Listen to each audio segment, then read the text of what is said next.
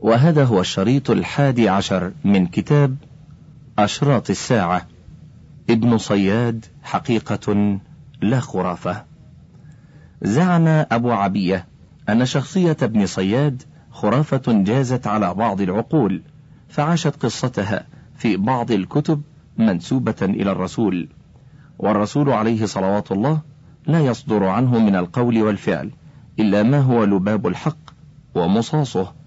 ولقد آن الأوان لنأخذ بعين الاعتبار والجد روح الحديث ومعناه ودلالته ومرماه كما نأخذ سنده وطريقه لتنجو مداركنا الإسلامية من الشطط والغلط. حاشية النهاية الفتن والملاحم الجزء الأول تحقيق أبو عبية. انتهى. هذا ما قاله الشيخ أبو عبية في تعليقه على الأحاديث الواردة في ابن صياد.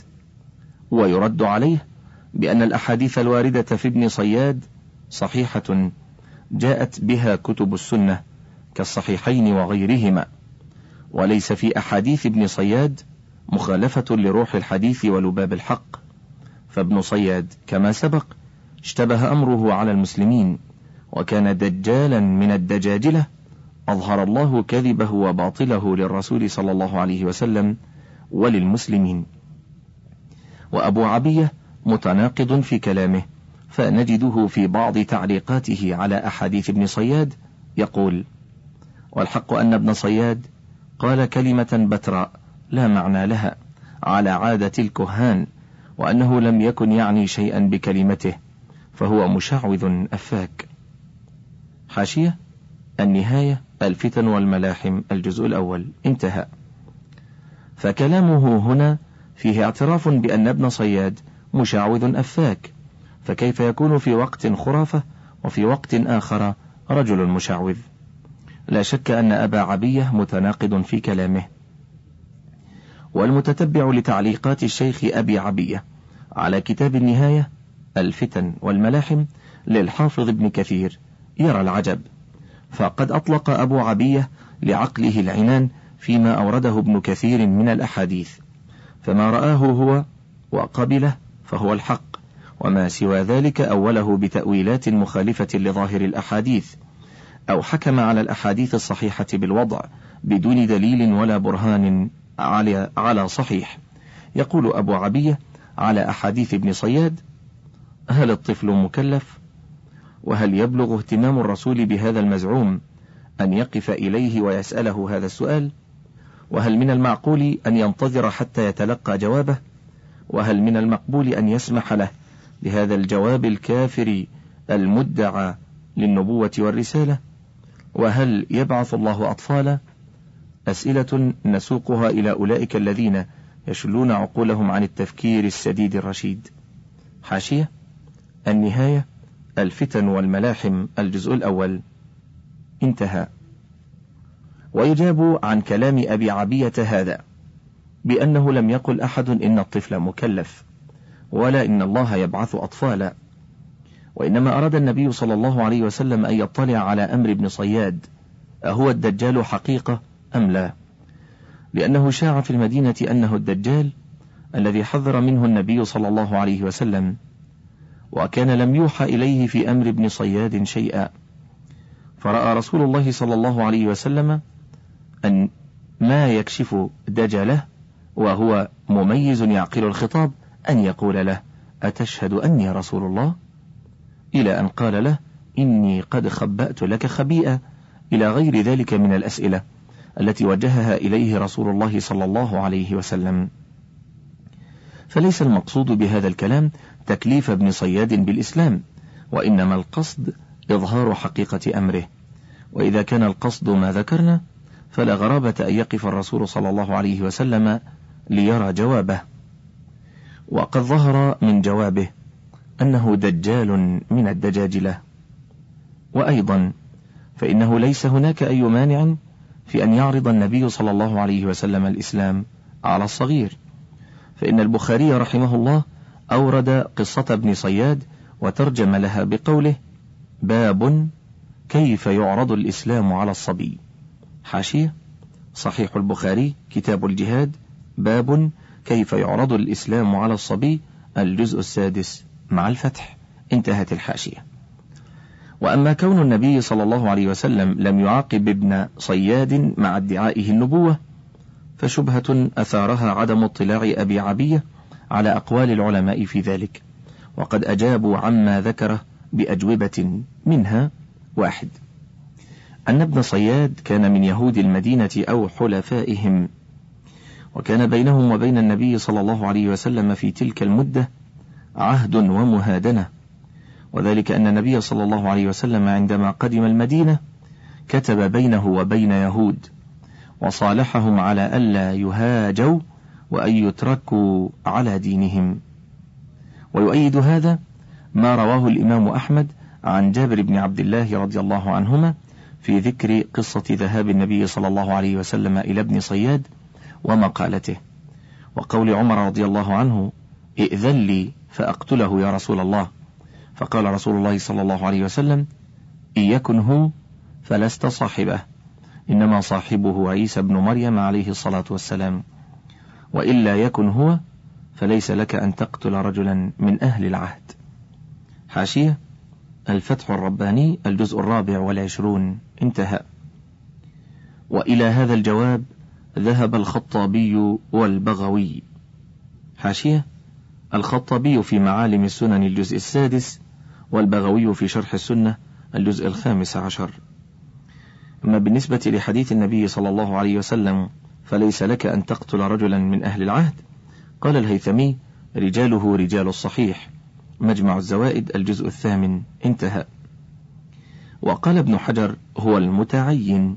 حاشية؟ فتح الباري الجزء السادس. انتهى. اثنان. أن ابن صياد كان في ذلك الوقت صغيرا لم يبلغ الحلم. ويؤيد هذا الجواب ما رواه البخاري عن ابن عمر رضي الله عنهما في قصة ذهاب النبي صلى الله عليه وسلم إلى ابن صياد وفيها قوله حتى وجده يلعب مع الغلمان عند أطم بني مغالة وقد قارب يومئذ ابن صياد. يحتلم حاشية.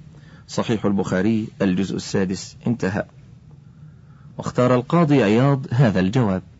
حاشية شرح النووي لمسلم الجزء الثامن عشر انتهى. ثلاثة. وهناك جواب ثالث ذكره الحافظ ابن حجر وهو أن ابن صياد لم يصرح بدعوى النبوة.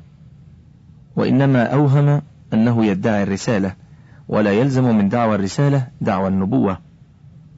قال الله تعالى ألم تر أن أرسلنا الشياطين على الكافرين إلى آخر الآية؟ حاشية فتح الباري الجزء السادس انتهى. مكان خروج الدجال.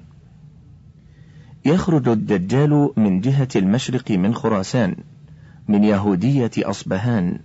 حاشية خراسان بلاد واسعة في جهة المشرق وتشتمل على عدة بلدان منها نيسابور وهراه ومرو وبلخ وما يتخلل ذلك من المدن دون نهر جيحون. معجم البلدان الجزء الثاني.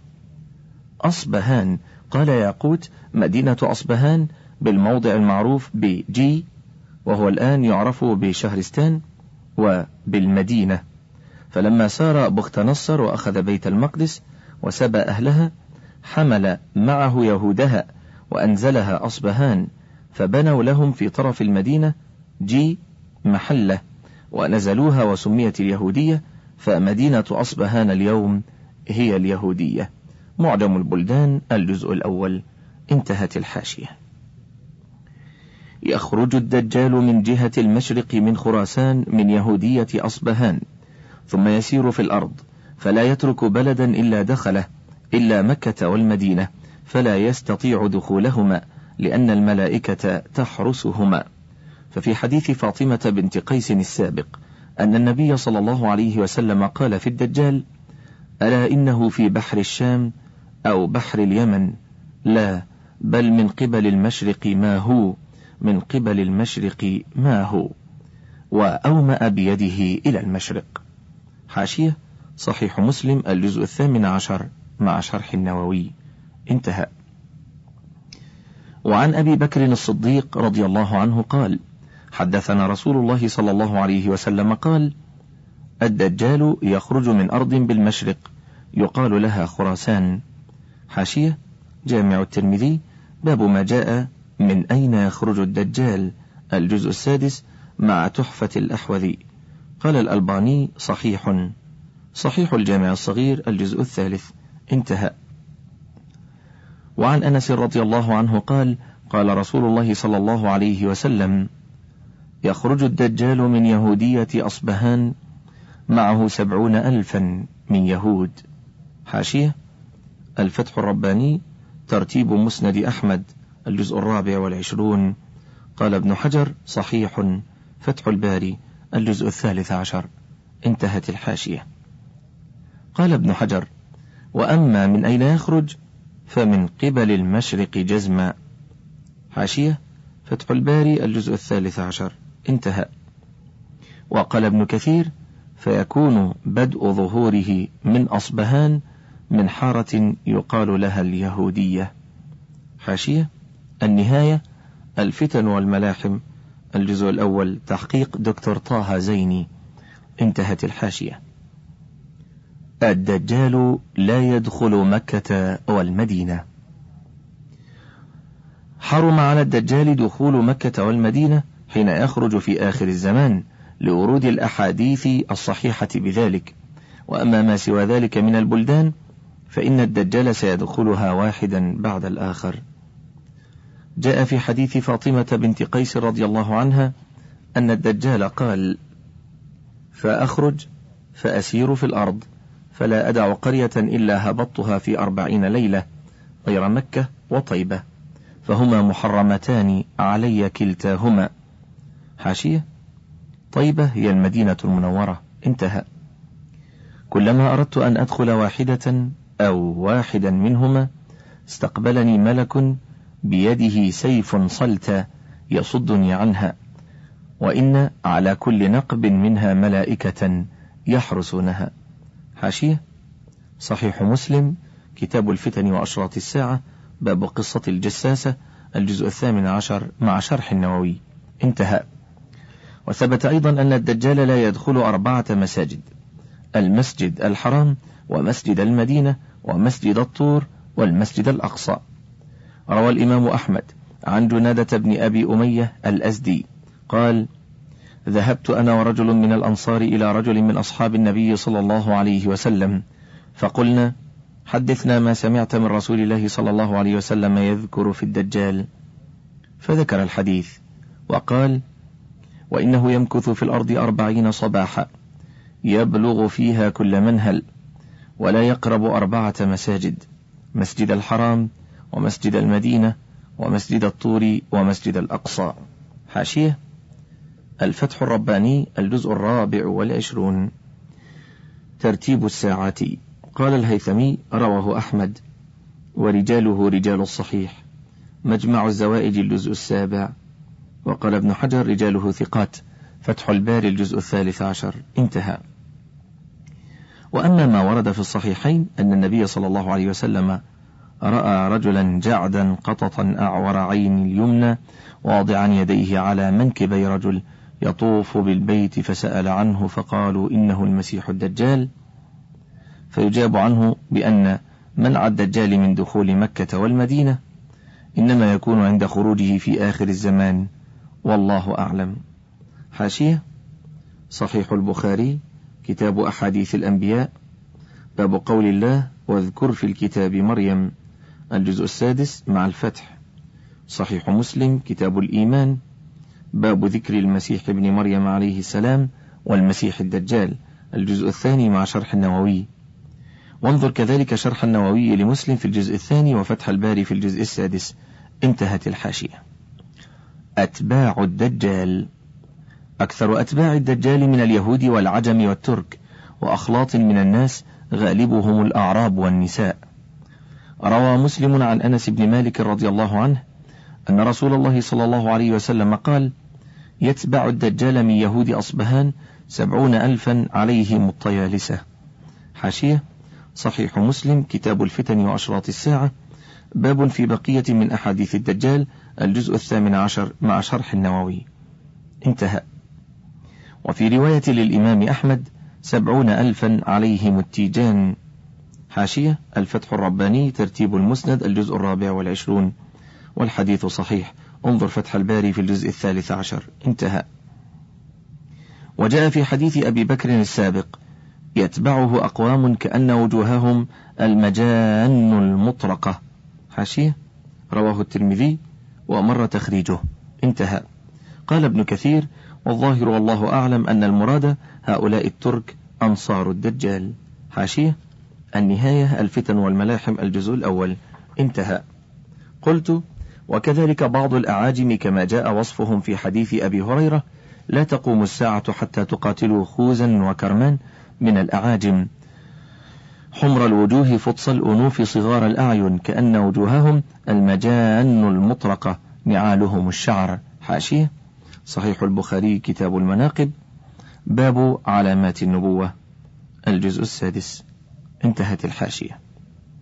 وأما كون أكثر أتباعه من الأعراب فلأن الجهل غالب عليهم. ولما جاء في حديث أبي أمامة الطويل قوله صلى الله عليه وسلم وإن من فتنته أي الدجال أن يقول للأعرابي أرأيت إن بعثت لك أباك وأمك أتشهد أني ربك؟ فيقول نعم. فيتمثل له شيطانان في صورة أبيه وأمه فيقولان يا بني اتبعه فإنه ربك. حاشية سنن ابن ماجه كتاب الفتن باب فتنة الدجال وخروج عيسى بن مريم وخروج يأجوج ومأجوج الجزء الثاني والحديث صحيح. انظر صحيح الجامع الصغير في الجزء السادس انتهت الحاشية. وأما النساء فحالهن أشد من حال الأعراب لسرعة تأثرهن وغلبة الجهل عليهن. ففي الحديث عن ابن عمر رضي الله عنهما قال قال النبي صلى الله عليه وسلم ينزل الدجال في هذه السبخة بمرقناه. حاشية. واد بالمدينة يأتي من الطائف ويمر بطرف القدوم في أصل قبور الشهداء بأحد. انظر معجم البلدان في الجزء الرابع. انتهى. فيكون أكثر من يخرج إليه النساء حتى إن الرجل يرجع إلى حميمه وإلى أمه وابنته وأخته وعمته فيوثقها رباطا مخافة أن تخرج إليه. حاشية. مسند أحمد الجزء السابع. تحقيق أحمد شاكر وقال إسناده صحيح انتهت الحاشية. فتنة الدجال. فتنة الدجال أعظم الفتن منذ خلق الله آدم إلى قيام الساعة. وذلك بسبب ما يخلق الله معه من الخوارق العظيمة التي تبهر العقول وتحير الألباب. فقد ورد أن معه جنة ونارا وجنته نار وناره جنة وأن معه أنهار الماء وجبال الخبز يأمر السماء أن تمطر فتمطر والأرض أن تنبت فتنبت وتتبعه كنوز الأرض ويقطع الأرض بسرعة عظيمة كسرعة الغيث استدبرته الريح إلى غير ذلك من الخوارق. وكل ذلك جاءت به الأحاديث الصحيحة فمنها ما رواه الإمام مسلم عن حذيفة رضي الله عنه قال قال رسول الله صلى الله عليه وسلم الدجال أعور العين اليسرى جفال الشعر. معه جنة ونار فناره جنة وجنته نار. حاشية. صحيح مسلم كتاب الفتن وأشراط الساعة باب ذكر الدجال الجزء الثامن عشر. انتهى. ولمسلم أيضا عن حذيفة رضي الله عنه قال قال رسول الله صلى الله عليه وسلم لأنا أعلم بما مع الدجال منه. معه نهران يجريان. أحدهما رأي العين. ماء أبيض والآخر رأي العين نار تأجج. فإما أدركنا أحد فليأتي النهر الذي يراه نارا وليغمض ثم ليطأطئ رأسه فيشرب منه فإنه ماء بارد. حاشية صحيح مسلم. كتاب الفتن وأشراط الساعة باب ذكر الدجال الجزء الثامن عشر. انتهت الحاشية. وجاء في حديث النواس بن سمعان رضي الله عنه في ذكر الدجال أن الصحابة قالوا يا رسول الله وما لبثه في الأرض؟ قال أربعون يوما يوم كسنة ويوم كشهر ويوم كجمعة وسائر أيامه كأيامكم. قالوا وما إسراعه في الأرض؟ قال كالغيث إذا استدبرته الريح فيأتي على القوم فيدعوهم فيؤمنون به ويستجيبون له. فيأمر السماء فتمطر والأرض فتنبت فتروح عليهم سارحتهم أطول ما كانت ذرة وأسبغه ضروعا وأمده خواصر. حاشية. سارحتهم أي ماشيتهم. ذرة وذرة بضم الذال المعجمة كذلك هي الأعالي والأسنمة. أسبغة بالسين المهملة والعين المعجمة أي أطول لكثرة اللبن وكذلك أمده خواصر لكثرة امتلائها من الشبع. انتهت الحاشية.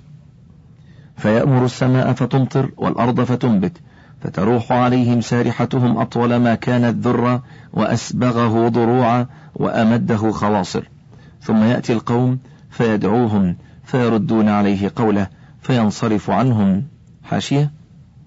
شرح النووي لمسلم الجزء الثامن عشر. انتهى.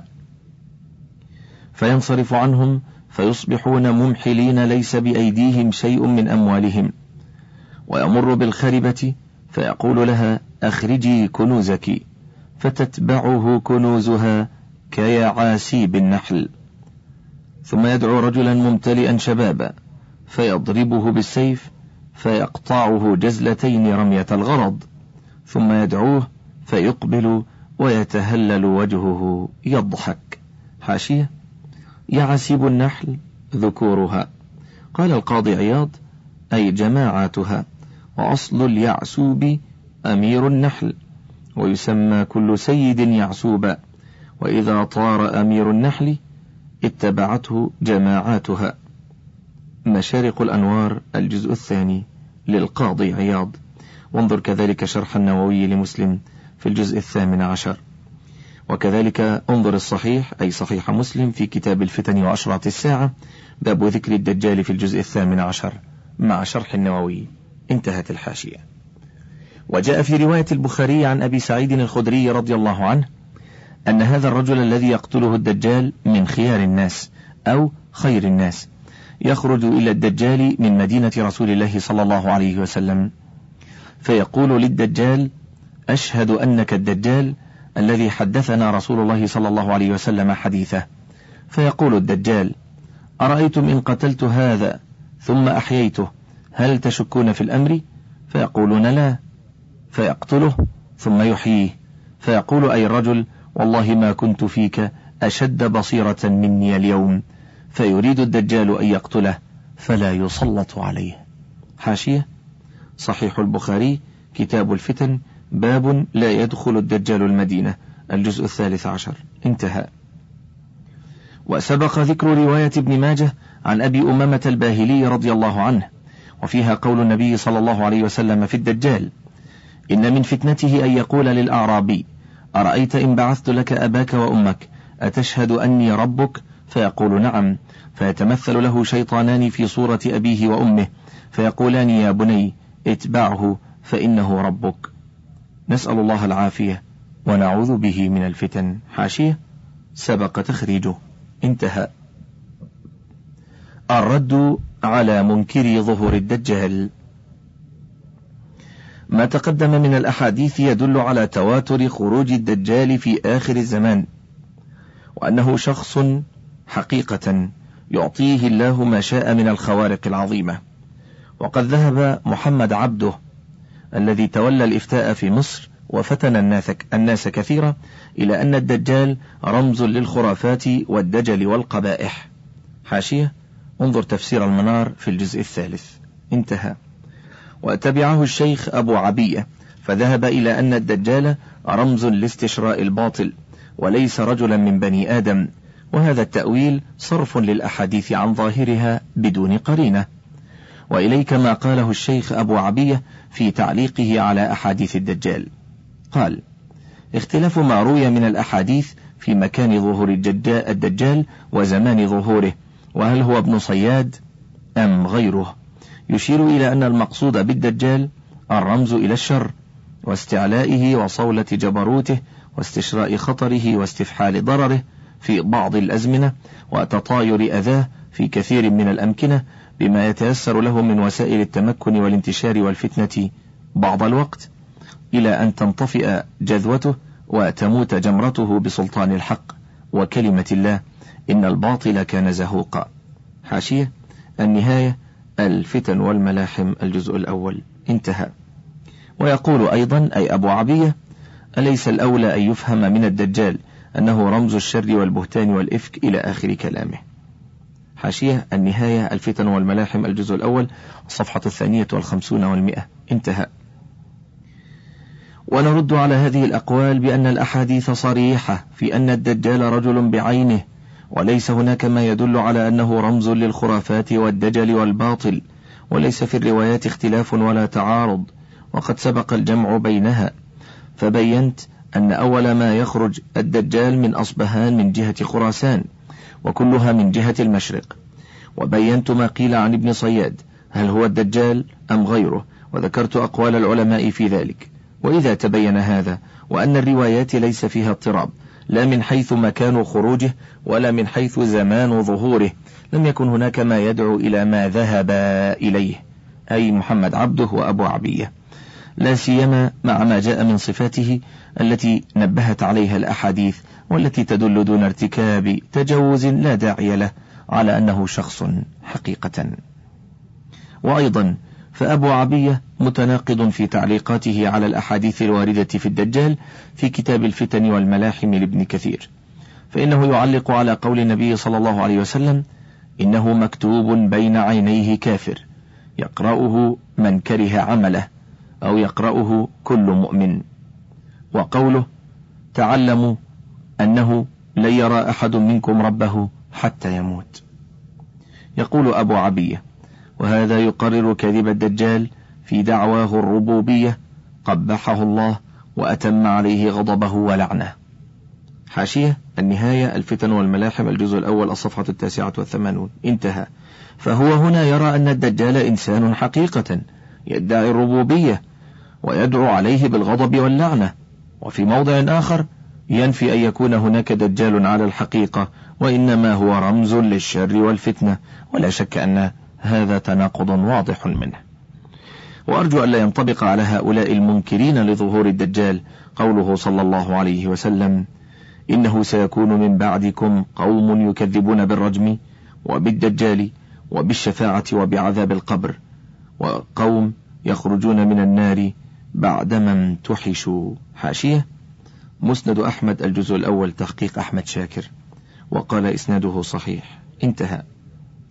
وسيأتي في الكلام على خوارق الدجال والأمر بالتعوذ من فتنته والإخبار عن هلاكه. ما يدل دلالة قاطعة على أنه شخص بعينه. خوارق الدجال أمور حقيقية.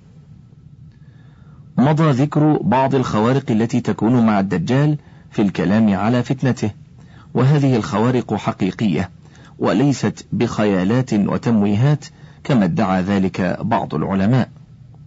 فقد نقل ابن كثير عن ابن حزم والطحاوي أنهما يقولان بأن ما مع الدجال ليس له حقيقة. وكذلك نقل عن أبي علي الجبائي شيخ المعتزلة قوله لا يجوز أن يكون كذلك حقيقة لئلا يشبه خارق السحر بخارق النبي. حاشية النهاية الفتن والملاحم. الجزء الأول. انتهى. وسيأتي في الكلام على خوارق الدجال والأمر بالتعوذ من فتنته والإخبار عن هلاكه ما يدل دلالة قاطعة على أنه شخص بعينه. خوارق الدجال أمور حقيقية. مضى ذكر بعض الخوارق التي تكون مع الدجال في الكلام على فتنته وهذه الخوارق حقيقية وليست بخيالات وتمويهات كما ادعى ذلك بعضهم. فقد نقل ابن كثير عن ابن حزم والطحاوي أنهما يقولان بأن ما مع الدجال ليس له حقيقة. وكذلك نقل عن أبي علي الجبائي. ثم جاء من بعدهم رشيد رضا. وبالنسبة للشخصية الثانية حاشية. ومحمد بن عبد السلام ابن سلام البصري توفي سنة ثلاث وثلاثمائة هجرية. انظر ترجمته في شذرات الذهب في الجزء الثاني والأعلام في الجزء السادس. انتهى. قال إنه أنكر أن يكون مع الدجال خوارق وزعم أن ذلك مخالف لسنن الله تعالى في خلقه. فقال في الكلام على أحاديث الدجال أي رشيد رضا ما ذكر فيها من الخوارق تضاهي أكبر الآيات التي أيد الله بها أولي العزم من المرسلين أو تفوقها وتعد شبهة عليها كما قال بعض علماء الكلام. نقل ابن كثير عن ابن حزم والطحاوي أنهما يقولان بأن ما مع الدجال ليس له حقيقة. وكذلك نقل عن أبي علي الجبائي شيخ المعتزلة قوله لا يجوز أن يكون كذلك حقيقة لئلا يشبه خارق السحر بخارق النبي ثم جاء من بعدهم رشيد رضا فأنكر أن يكون مع الدجال خوارق وزعم أن ذلك مخالف لسنن الله تعالى. فقال في الكلام على أحاديث الدجال ما ذكر فيها من الخوارق تضاهي أكبر الآيات التي أيد الله بها أولي العزم من المرسلين أو تفوقها وتعد شبهة عليها كما قال بعض علماء الكلام وعد بعض المحدثين ذلك من بدعتهم. ومن المعلوم أن الله ما آتاهم هذه الآيات إلا لهداية خلقه التي هي مقتضى سبق رحمته لغضبه. فكيف يؤتى الدجال أكبر الخوارق لفتنة السواد الأعظم من عباده؟ فإن من تلك الروايات أنه يظهر على الأرض كلها في أربعين يوما إلا مكة والمدينة. إلى أن قال إن ما عزي إليه من الخوارق مخالف لسنن الله تعالى في خلقه وقد ثبت بنصوص القرآن القطعية أنه لا تبديل لسنته تعالى ولا تحويل. وهذه الروايات المضطربة المتعارضة لا تصلح لتخصيص هذه النصوص القطعية ولا لمعارضتها. حاشية. تفسير المناوي الجزء التاسع. انتهى. واستشهد على تعارض أحاديث الدجال بأنه ورد في بعض الروايات كما سبق أن معه جبال الخبز وأنهار الماء والعسل وأن معه جنة ونارا إلى غير ذلك.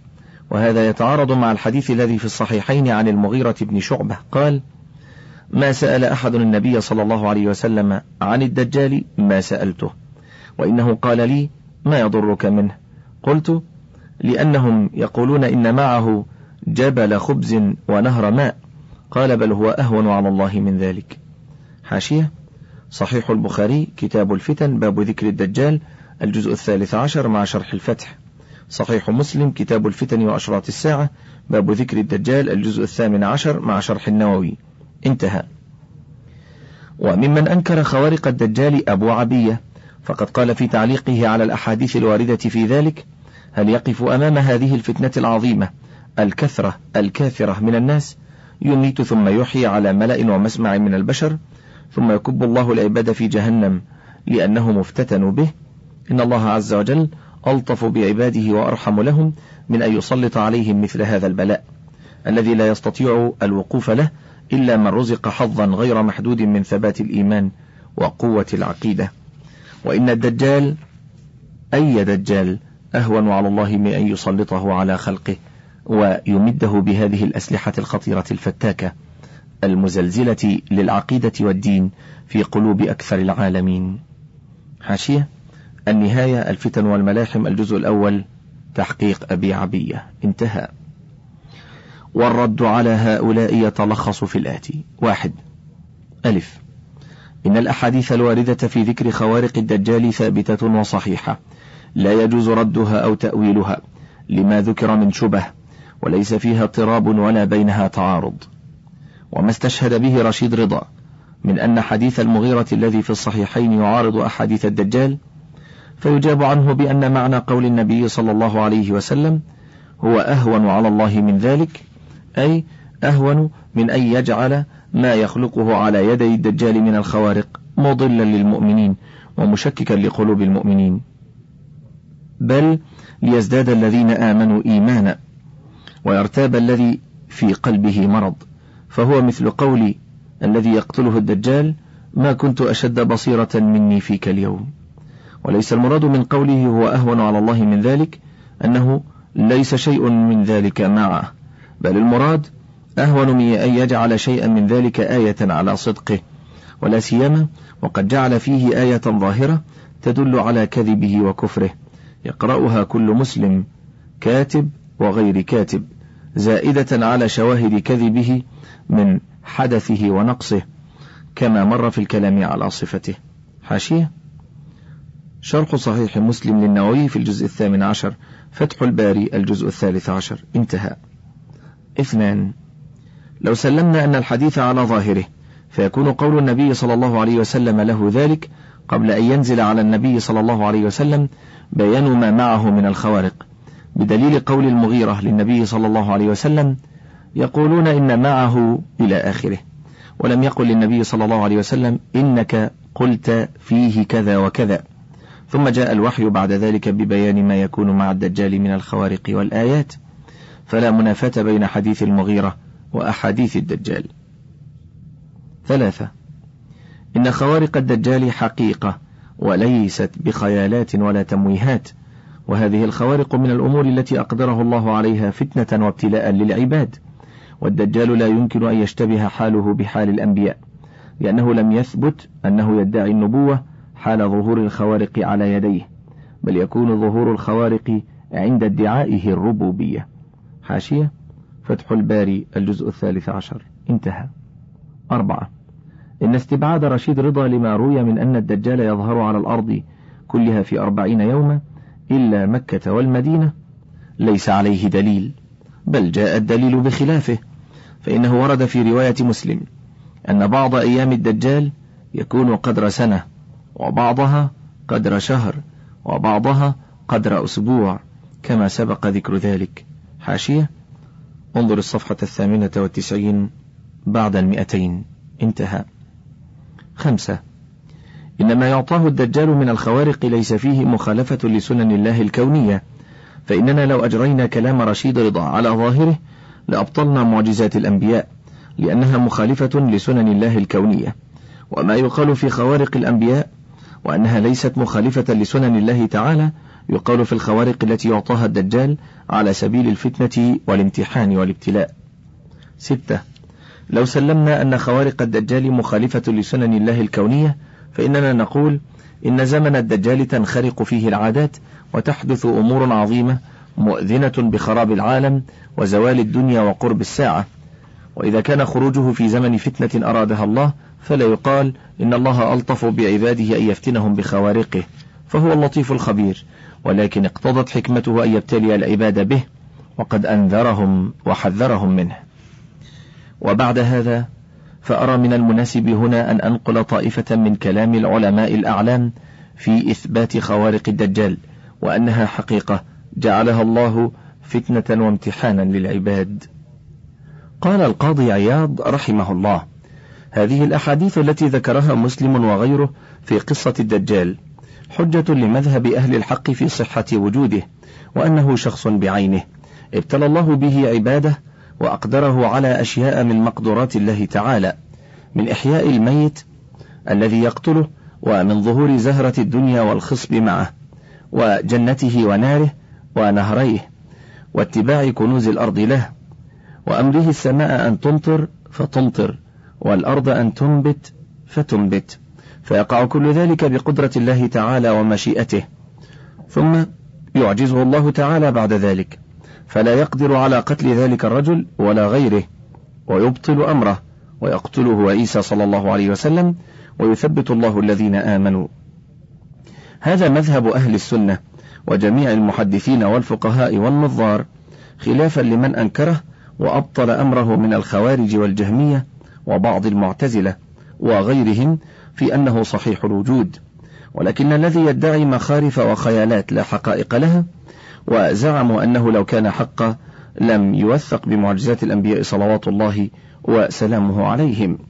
وهذا غلط من جميعهم لأنه لم يدعي النبوة فيكون ما معه كالتصديق له وإنما يدعي الإلهية وهو في نفس دعواه مكذب لها بصورة حاله ووجود دلائل الحدوث فيه ونقص صورته وعجزه عن إزالة العور الذي في عينيه وعن إزالة الشاهد بكفره المكتوب بين عينيه. ولهذه الدلائل وغيرها لا يغتر به إلا رعاع من الناس لسد الحاجة والفاقة رغبة في سد الرمق أو تقية أو خوفا من أذاه لأنه فتنة عظيمة تدهش العقول وتحير الألباب. مع سرعة مروره في الأرض فلا يمكث بحيث يتأمل الضعفاء حاله ودلائل الحدوث فيه والنقص فيصدقه من صدقه في هذه الحالة. ولهذا حذرت الأنبياء صلوات الله وسلامه عليهم أجمعين من فتنته ونبهوا على نقصه ودلائل إبطاله. وأما أهل التوفيق فلا يغترون به ولا يخدعون لما معه. لما ذكرناه من الدلائل المكذبة له مع ما سبق لهم من العلم بحاله.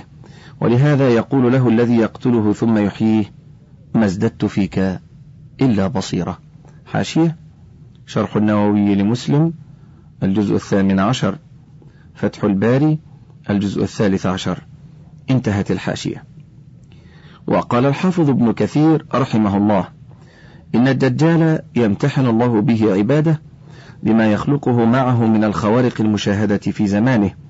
كما تقدم أن من من استجاب له يأمر السماء فتمطرهم والأرض فتنبت لهم زرعا تأكل منه أنعامهم وأنفسهم. وترجع إليهم مواشيهم سمانا لبنا. ومن لا يستجيب له ويرد عليه أمره تصيبهم السنة والجدب والقحط والقلة وموت الأنعام ونقص الأموال والأنفس والثمرات. وأنه, وأنه يتبعه كنوز كيعاسيب النحل ويقتل ذلك الشاب ثم يحييه. وهذا كله ليس بمخرقة بل له حقيقة امتحن الله بها عباده في آخر الزمان فيضل به كثيرا ويهدي به كثيرا. يكفر المرتابون ويزداد الذين آمنوا إيمانا. حاشية النهاية الفتن والملاحم الجزء الأول. تحقيق دكتور طه زيني انتهى. وقال الحافظ ابن حجر وفي الدجال مع ذلك دلالة بينة لمن عقل على كذبه لأنه ذو أجزاء مؤلفة وتأثير الصنعة فيه ظاهر مع ظهور الآفة به من عور عينيه. فإذا دعا الناس إلى أنه ربه ربهم فأسوأ حال من يراه من ذوي العقول أن يعلم أنه لم يكن ليسوي خلق غيره ويعدله ويحسنه ولا يدفع النقص عن نفسه. فأقل ما يجب أن يقول يا من يزعم أنه خالق السماء والأرض. صور نفسك وعدلها وأزل عنها لعاها. فإن زعمت أن الرب لا يحدث في نفسه شيئا فأزل ما هو مكتوب بين عينيك. حاشية فتح الباري الجزء الثالث عشر. انتهى. وقال ابن العربي حاشية وأبو بكر محمد بن عبد الله بن محمد المعافري الإشبيلي المالكي صاحب المصنفات كأحكام القرآن وغيرها. توفي بالقرب من فاس بالمغرب ودفن بها سنة ثلاث وأربعين وخمسمائة هجرية. رحمه الله. الأعلام الجزء السادس. انتهى. وقال ابن العربي الذي يظهر على يد الدجال من الآيات من إنزال المطر والخصب على من يصدقه. والجذب على من يكذبه واتباع كنوز الأرض له وما معه من جنة ونار ومياه تجري كل ذلك محنة من الله واختبار ليهلك المرتاب وينجو المتيقن وذلك كله أمر مخوف. ولهذا قال صلى الله عليه وسلم لا فتنة أعظم من فتنة الدجال. حاشية. فتح الباري الجزء الثالث عشر. انتهى. الوقاية من فتنة الدجال. أرشد النبي صلى الله عليه وسلم أمته إلى ما يعصمها من فتنة المسيح الدجال فقد ترك أمته على المحجة البيضاء ليلها كنهارها لا يزيغ عنها إلا هالك. فلم يدع صلى الله عليه وسلم خيرا إلا دل أمته عليه ولا شر إلا حذرها منه. ومن جملة ما حذر منه فتنة المسيح الدجال لأنها أعظم فتنة تواجهها الأمة إلى قيام الساعة. وكان كل نبي ينذر أمته الأعور الدجال. واختص محمد صلى الله عليه وسلم بزيادة التحذير والإنذار. وقد بين الله له كثيرا من صفات الدجال ليحذر أمته فإنه خارج في هذه الأمة لا محالة لأنها آخر الأمم. ومحمد صلى الله عليه وسلم خاتم النبيين. وهذه بعض الإرشادات النبوية التي أرشد إليها المصطفى صلى الله عليه وسلم أمته لتنجو من هذه الفتنة العظيمة التي نسأل الله العظيم أن يعافينا ويعيذنا منها.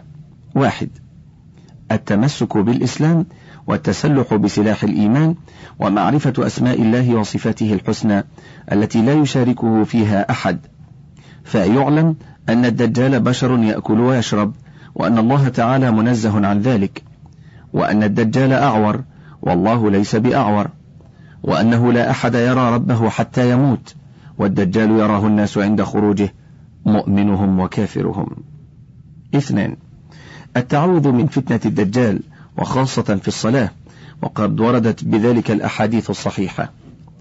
فمنها ما رواه الشيخان والنسائي عن عائشة زوج النبي صلى الله عليه وسلم أن رسول الله صلى الله عليه وسلم كان يدعو في الصلاة اللهم إني أعوذ بك من عذاب القبر وأعوذ بك من فتنة المسيح الدجال الحديث. حاشية؟ صحيح البخاري كتاب الأذان باب الدعاء قبل السلام الجزء الثاني مع الفتح. صحيح مسلم كتاب المساجد ومواضع الصلاة باب التعوذ من عذاب القبر وعذاب جهنم الجزء الخامس مع شرح النووي. انتهت الحاشية. وروى البخاري عن مصعب قال كان سعد يأمر بخمس ويذكرهن عن النبي صلى الله عليه وسلم أنه كان يأمر بهن. منها وأعوذ بك من فتنة الدنيا يعني فتنة الدجال. حاشية مصعب هو مصعب بن سعد بن أبي وقاص. فتح الباري الجزء الحادي عشر. صحيح البخاري كتاب الدعوات باب التعوذ من عذاب القبر في الجزء الحادي عشر. مع الفتح انتهت الحاشية. وفي إطلاق الدنيا على الدجال إشارة إلى أن فتنة الدجال أعظم الفتن الواقعة في الدنيا. حاشية فتح الباري الجزء الحادي عشر. انتهى. وروى مسلم عن أبي هريرة رضي الله عنه قال قال رسول الله صلى الله عليه وسلم إذا تشهد أحدكم فليستعذ بالله من أربع. يقول اللهم إني أعوذ بك من عذاب جهنم ومن عذاب القبر ومن فتنة المحيا والممات ومن شر فتنة المسيح الدجال. حاشية صحيح مسلم كتاب المساجد ومواضع الصلاة باب التعوذ من عذاب القبر وعذاب جهنم الجزء الخامس مع شرح النووي. انتهى. وكان الإمام طاوس يأمر ابنه بإعادة الصلاة إذا لم يقرأ بهذا الدعاء في صلاته. حاشية هو طاوس بن كيسان اليماني.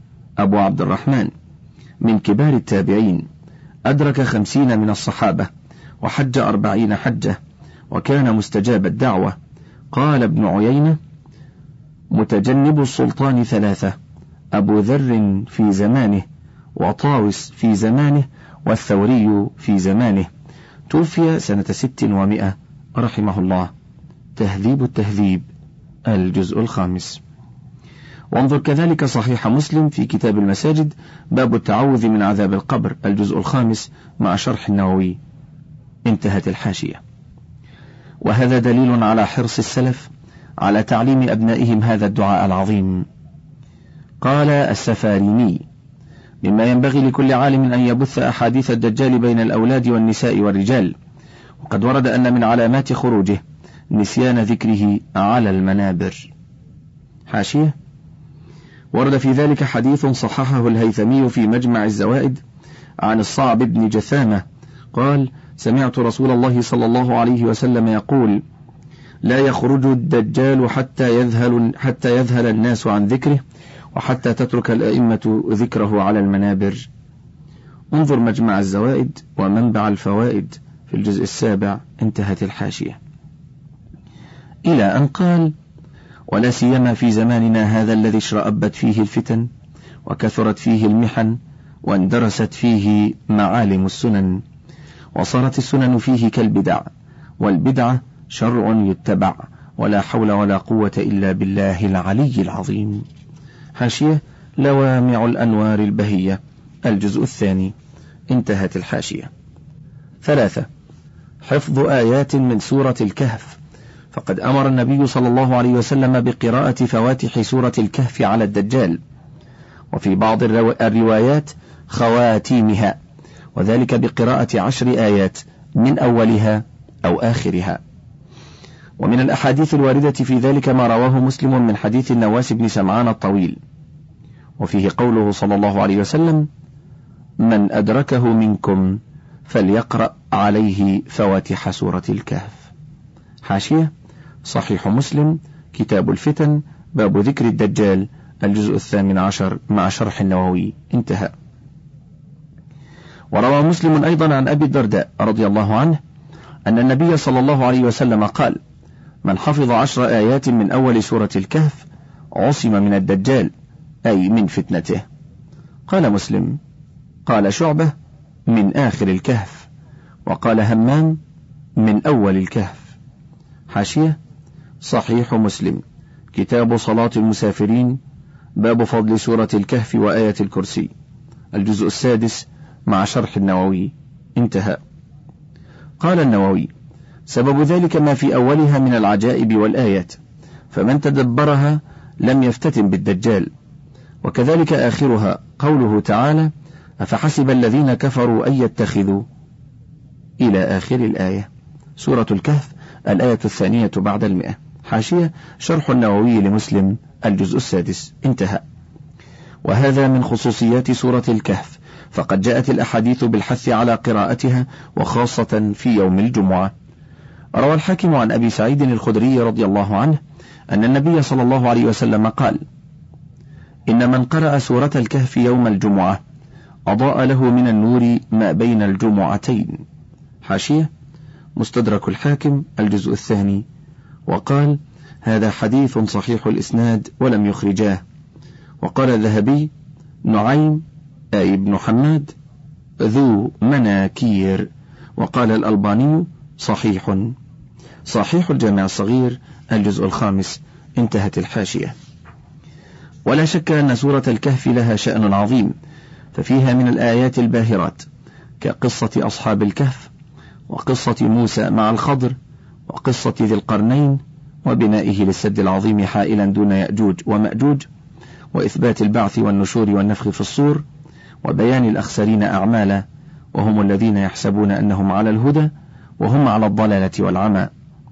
فينبغي لكل مسلم أن يحرص على قراءة هذه السورة وحفظها وترديدها وخاصة في خير يوم طلعت عليه الشمس وهو يوم الجمعة.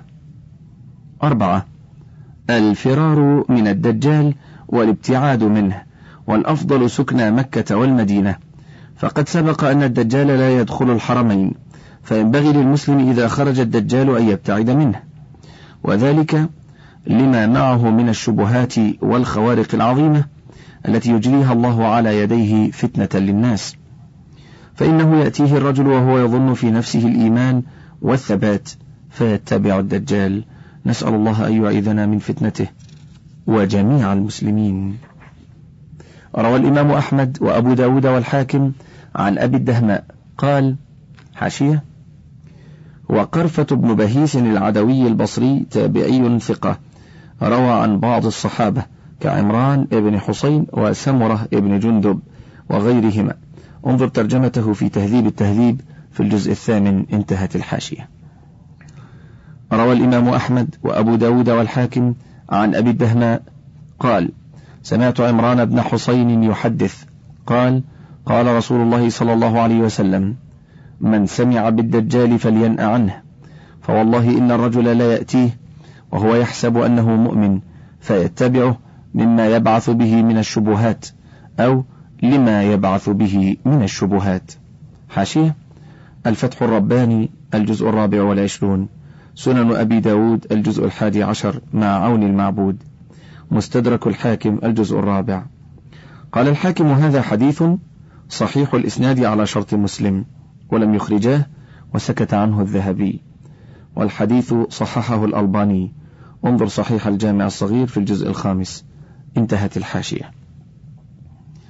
ذكر الدجال في القرآن. تساءل العلماء عن الحكمة في عدم التصريح بذكر الدجال في القرآن مع عظم فتنته وتحذير الأنبياء منه والأمر بالاستعاذة من فتنته في الصلاة. وأجابوا عن ذلك بأجوبة منها. واحد. أنه مذكور ضمن الآيات التي ذكرت في قوله تعالى يوم يأتي بعض آيات ربك لا ينفع نفسا إيمانها. لا ينفع نفسا إيمانها لم تكن آمنت من قبل أو كسبت في إيمانها خيرا. سورة الأنعام الآية الثامنة والخمسون والمئة. وهذه الآيات هي الدجال وطلوع الشمس من مغربها والدابة وهي المذكورة في تفسير هذه الآية. فقد روى مسلم والترمذي عن أبي هريرة رضي الله عنه قال قال رسول الله صلى الله عليه وسلم ثلاث إذا خرجنا لا ينفع نفسا إيمانها. لم تكن آمنت من قبل أو كسبت في إيمانها خيرا. طلوع الشمس من مغربها والدجال ودابة الأرض.